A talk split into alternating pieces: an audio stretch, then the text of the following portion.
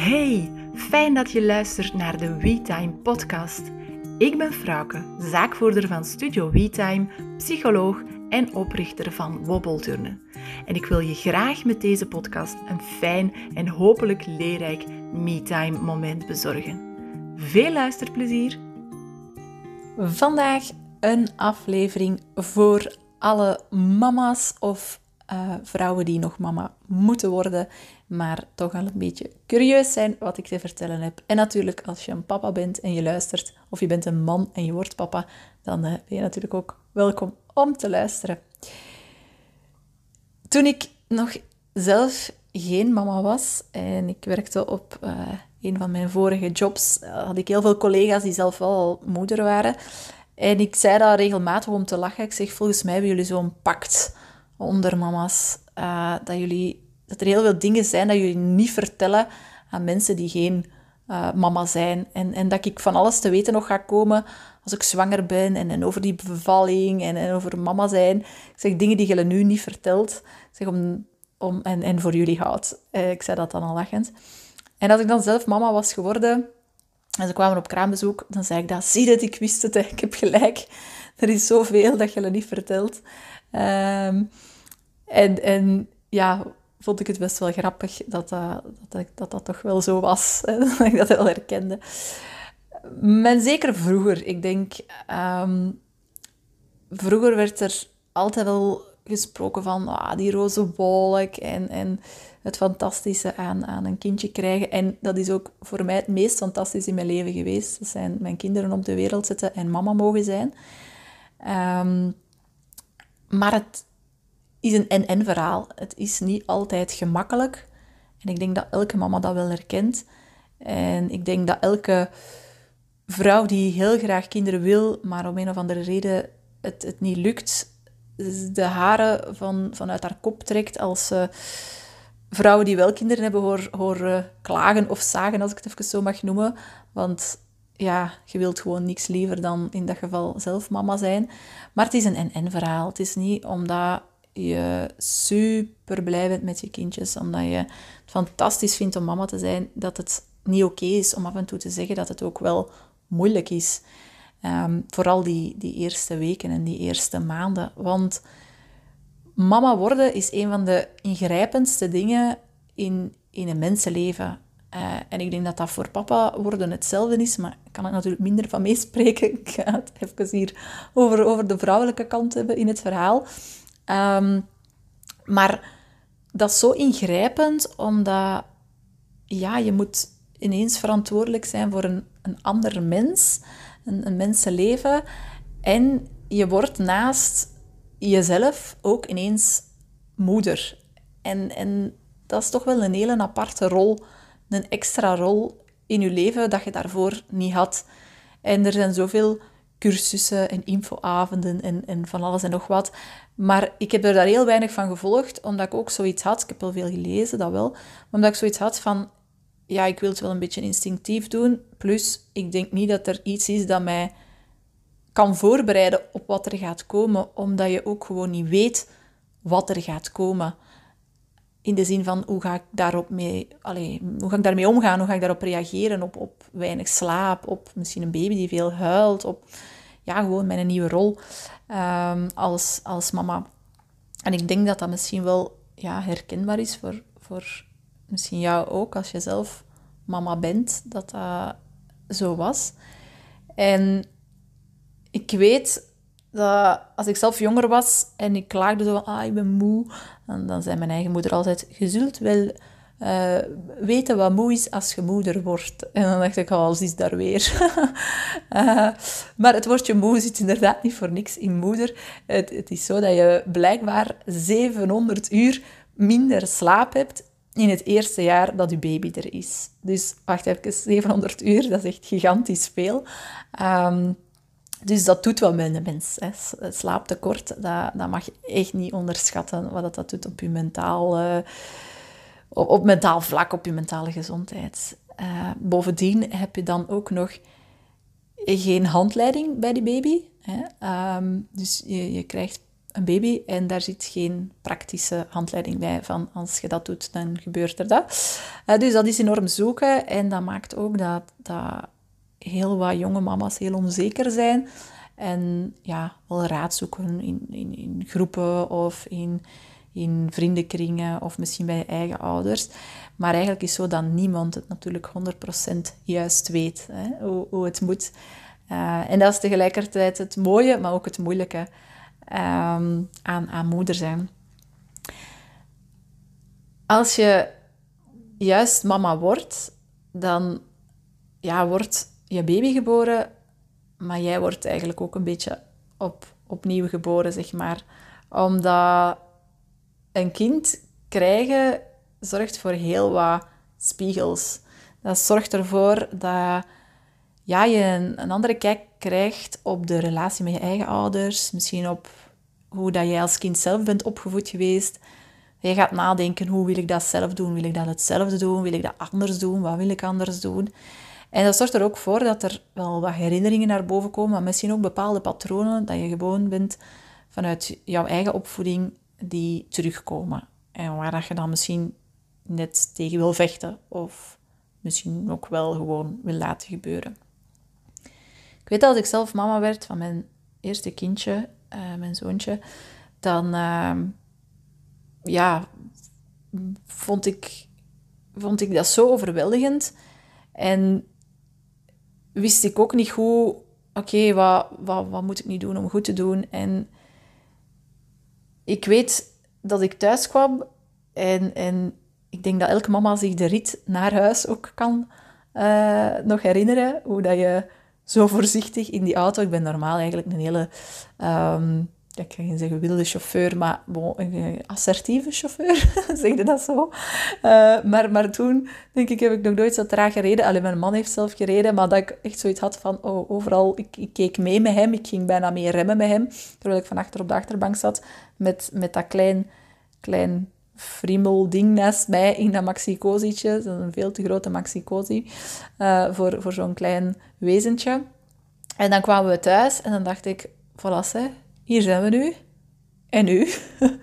geen, geen, uh, geen vroedvrouwen, geen verpleegsters. Uh, ja, nu, zijn we, nu staan we er alleen voor. En in, in het ziekenhuis hadden we ook heel veel bezoek gekregen. Dus ik was, ik was moe. Het moment dat ik eigenlijk goed en wel sliep, was altijd zo tegen de ochtend. Dan, dan sliep mijn zoontje ook het best. Maar ja, dan komt de poetsvrouw binnen en dan komen ze met ontbijt. En ja, dus ik was op zich echt wel blij om thuis te zijn, omdat je dan een beetje meer je eigen ritme kunt doen.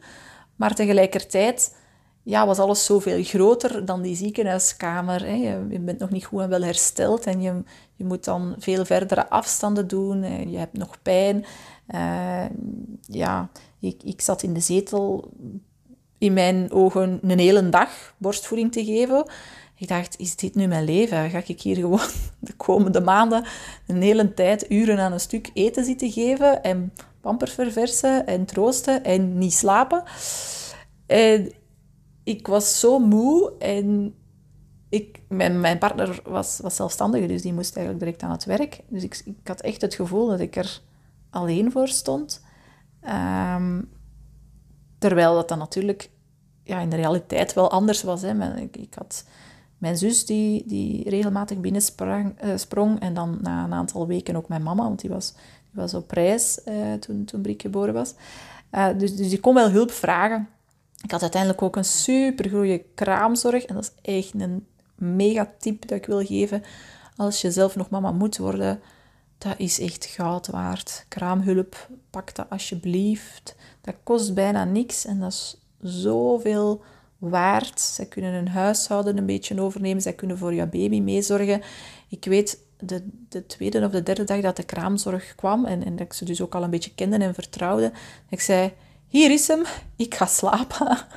en zij kreeg die, zij kon die, zij kreeg die stil, die stopte met huilen, die kon die inbakeren. Die, terwijl ik, ik was zo op dat, dat ik zelf geen energie meer had om mijn eigen kindje ja, te troosten. En, en ik werd letterlijk bijna leeggezogen hè, van, van eten te geven. Uh, dat, dat ik uh, ja, na een aantal dagen echt wel zoiets had van wow, wat is dit? Uh, en, en ik alles wel heel somber zag. Er was helemaal geen roze wolken. Pas op, ik was super blij met mijn baby. Hè. En, en ik heb een enorme, ja, enorme kinderwens um, heel lang gehad. Allee, ik bedoel, ik had dat al lang voor alleen dat we zwanger waren, ik zal het zo zeggen. Um, dus, dus dat was alles wat ik wou. Um, maar, maar wat dat niet wil zeggen dat, dat ik door de hormonen, door het slaaptekort, die moment echt zoiets had van, oh my god, is, is dit het nu? Allee, um, ja, het was ook gewoon heel hard wennen aan, aan die nieuwe rol. En, en dat is iets wat je als mama zeker niet mag onderschatten. Dat je je ook die tijd moet geven voor die nieuwe rol gewoon te worden. En dat je ook moet beseffen dat natuurlijk die eerste dagen, die eerste weken zijn heel zwaar, maar dat betert wel. Dus als jij er misschien nu middenin zit, laat het een troost zijn, het, het betert. Um, en, en ook, je hoeft het niet alleen te doen. Schakel hulp in, um, dat je kan slapen. Want vanaf het moment dat ik dan meer kon slapen, merkte ik ook in, in mijn mentaal welzijn dat het ook wel beter ging. En dan, dat is wel belangrijk. Het is, het, is, uh, het is zo dat één vrouw op acht een postnatale depressie ontwikkelt. En dat is best veel, hè? één vrouw op acht. Um, dus, dus probeer het zover niet te laten komen. Ga ook goed voor jezelf zorgen. Je hebt niet alleen die baby waar je moet voor zorgen, maar je moet ook tegelijkertijd voor jezelf nog zorgen. En laat dan heel wat dingen vallen. Hè. Je huishouden, laat het even voor wat het is.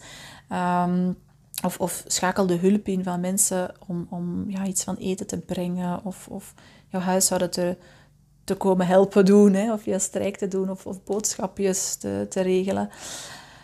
Um, want, want ja, niets is zo zwaar dan het gevoel te hebben het allemaal zelf te moeten doen. Dan, dan is de kans er echt wel dat je eraan onderdoor gaat. En dat zou, zou zo zonde zijn. Als ze dan eenmaal een beetje groter worden, een aantal maanden ouder zijn, dan, dan komt het moment dat je misschien terug naar het werk moet. Dat je denkt van, oh my god, ik had dat toch. Ik wil nooit nog gaan werken. Ik wil gewoon voor altijd bij mijn baby zijn. Uh, ik word huismoeder of zo. En toen ben ik ook voor... Ja, dat is bij mij ook de moment uh, geweest dat ik echt wel ben gaan zoeken van, oké, hoe wil ik mijn professionele leven um, indelen om toch genoeg mama te kunnen zijn.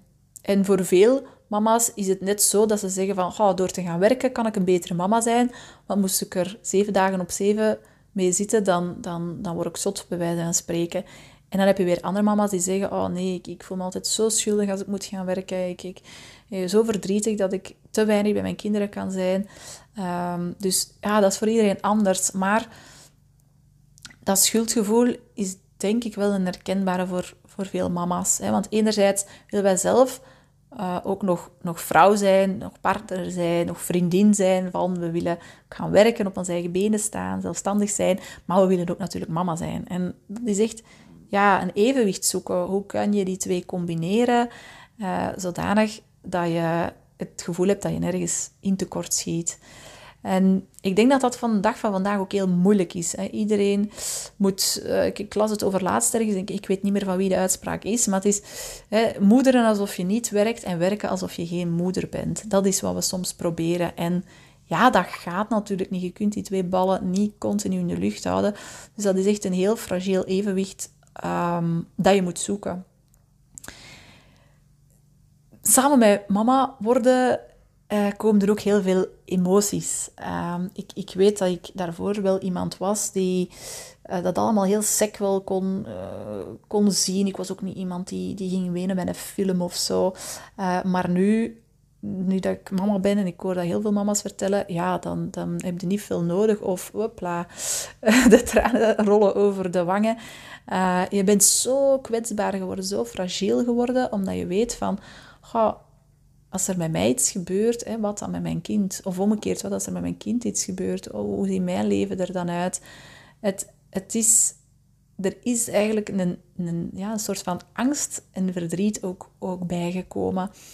Um, en ook dat is een evenwicht zoeken. Dat mag niet je leven gaan overheersen.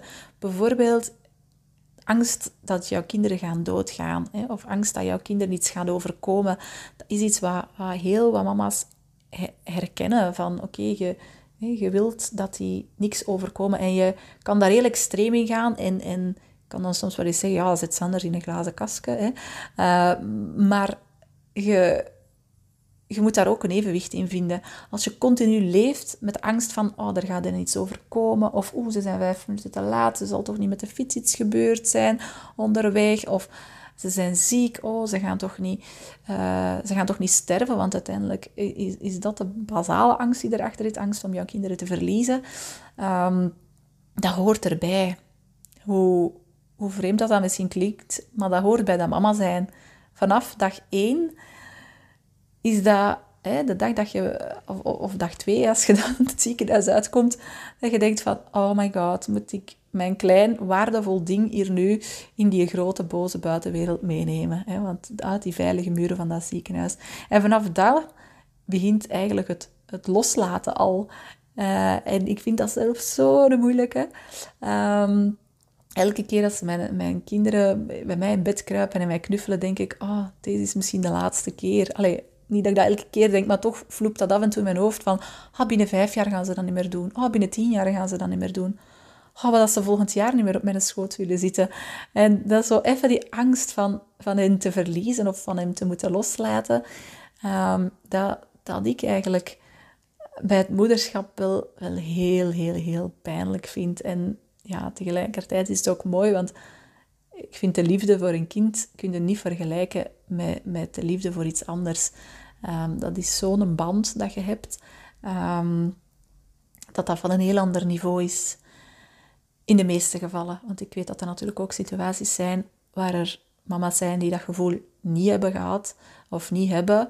Um, maar ik denk in de meeste gevallen dat alles binnen, de, binnen de normale lijnen een beetje loopt, zeg maar, is dat wel, wel herkenbaar. Dus dat schuldgevoel en die angst, dat is een soort van package deal dat je mee hebt gekregen bij je kind. Uh, en die emoties die alle kanten op gaan, die, die horen daar ook bij. En dan is er nog de lat die we voor onszelf bepalen. En, en de dingen die we vinden dat allemaal moeten. En ik denk dat daar dan social media een hele, hele um, ja, slechte rol, ja, moet ik het zo zeggen, ja, toch, toch wel een beetje een slechte rol kan inspelen. Um, als we de picture perfect dingen zien of, of hoe het allemaal uh, kan. En, en ook daar, ja, niet alles wat je ziet is werkelijkheid, hè, mama's. Dus probeer dat wel los te laten. Um, probeer, probeer vooral gewoon te spelen met je kind, met, met hen tijd door te brengen. En dat moet niet in de perfecte outfit zijn of in de mooiste speeltuin en weet ik wel allemaal, of de duurste, hipste cadeautjes, materialen. Dan maakt je geen betere mama. Het, is natuurlijk fijn als je dat allemaal kan doen, en maar, maar dat maakt niet dat, dat jouw kind uh, er, er ja, beter van wordt of, of gelukkiger van wordt. Het is vooral de tijd die je samen en de kwaliteit dat je samen uh, aangaat, dat, dat belangrijk is. En samen daarmee gaat ook van, oké, durf af en toe ook die lat voor jezelf wat lager te leggen. En besef ook dat dat ouderschap of dat moederschap, eigenlijk is dat ook wel een fulltime job die je er ook nog maar eens bij pakt. En de dag van vandaag hebben we natuurlijk ook heel veel papa's die zeer veel taken opnemen ten aanzien van de kinderen of ten aanzien van het huishouden. Ik, ik ben ook gezegend met zo'n exemplaar. Ik moet dat erin zetten hè, als ze luistert. nee, nee, maar ik meen het. Ehm, mijn partner die doet ook echt heel veel, maar je zal zien dat je als mama toch nog een hele mentale lood hebt die, en ondertussen hoor je misschien mijn zoon keihard roepen op papa. Uh, voilà, kijk, mama neemt een podcast op en uh, papa wordt ingeschakeld ondertussen. Dus je ziet hoe belangrijk die papa is. Um, zodat dat mama ook uh, kan werken. Maar ja, het is altijd een beetje multitasken. Hè? Um, maar wat ik wou zeggen, is... Je zit eigenlijk als, als moeder heel vaak met een mentale load. Um, En dat gaat over hele kleine dingen. Wat gaan we maken voor te eten? Oh, de, zwem, zwempakken zijn te klein. Oh, de winter komt eraan. Ik moet zien dat je winterjas nog past. Uh, een afspraakje regelen bij de tandarts. Uh, een verjaardagsfeestje. Oh, een uitnodiging. Even naar de mama sturen van dat kindje. Ja, we komen. Wat wilt hij hebben? Dat zijn eigenlijk zijn heel van die kleine taakjes. Die, heel van die kleine dingen die eigenlijk vooral op de kap van mama's komen. Blijkt uit onderzoek voor de papa's die niet luisteren, voor ik boze berichten krijgen, uh, blijkt dat dat vooral op de kap van de mama's komen. Is dat dan omdat ze dat niet willen uit handen geven? Dat kan, hè. Dat kan. Uh, maar het is gewoon vaak zo dat, dat dat ja, toch een beetje zo gegroeid is in onze cultuur, dat dat vooral de moeders zijn die die dingen opnemen. Maar dat maakt natuurlijk dat dat enorm veel uh, mentale capaciteit vraagt in onze hersenen. En dat dat ook een mentale last kan zijn om aan van alles te denken, zorgen dat alles er is. Um, en, en daar wil ik dan toch wel een oproepje doen van mama's, ga eens kijken, wat kan je ook daar weer uit handen geven? Waar kun je je partner inschakelen? Waar kun je ook uh, zeggen van, oké, ik laat het hier wel los. Hè? Misschien gaat je was niet opgevouwen zijn zoals dat jij dat zou doen. Hè? Misschien is dat hemd niet gestreken zoals dat jij dat zou doen. Maar het feit dat het gebeurd is en dat jij ondertussen iets anders kan doen of, of die mentale last kan verminderen, is ook een enorme belangrijke. Durf, hulp te vragen. Je hoeft het niet alleen te doen. Um, wie het werk van Lien Gering uh, kent, um, zij heeft een boek Goed Omringd. Uh, een aanrader om te lezen. Uh, die, die zal dat ook wel herkennen. Hè? De uitspraak It takes a village to raise a child. Dat is ook een van haar stokpaardjes. Um, we kunnen niet alleen voor onze kinderen zorgen. We hebben een netwerk nodig. We hebben andere mama's nodig. We hebben andere um, familie rond ons nodig. Vrienden, uh, opvang, noem maar op. Dus als je zelf merkt van mijn netwerk is echt beperkt, ga kijken hoe je dat kan uitbreiden.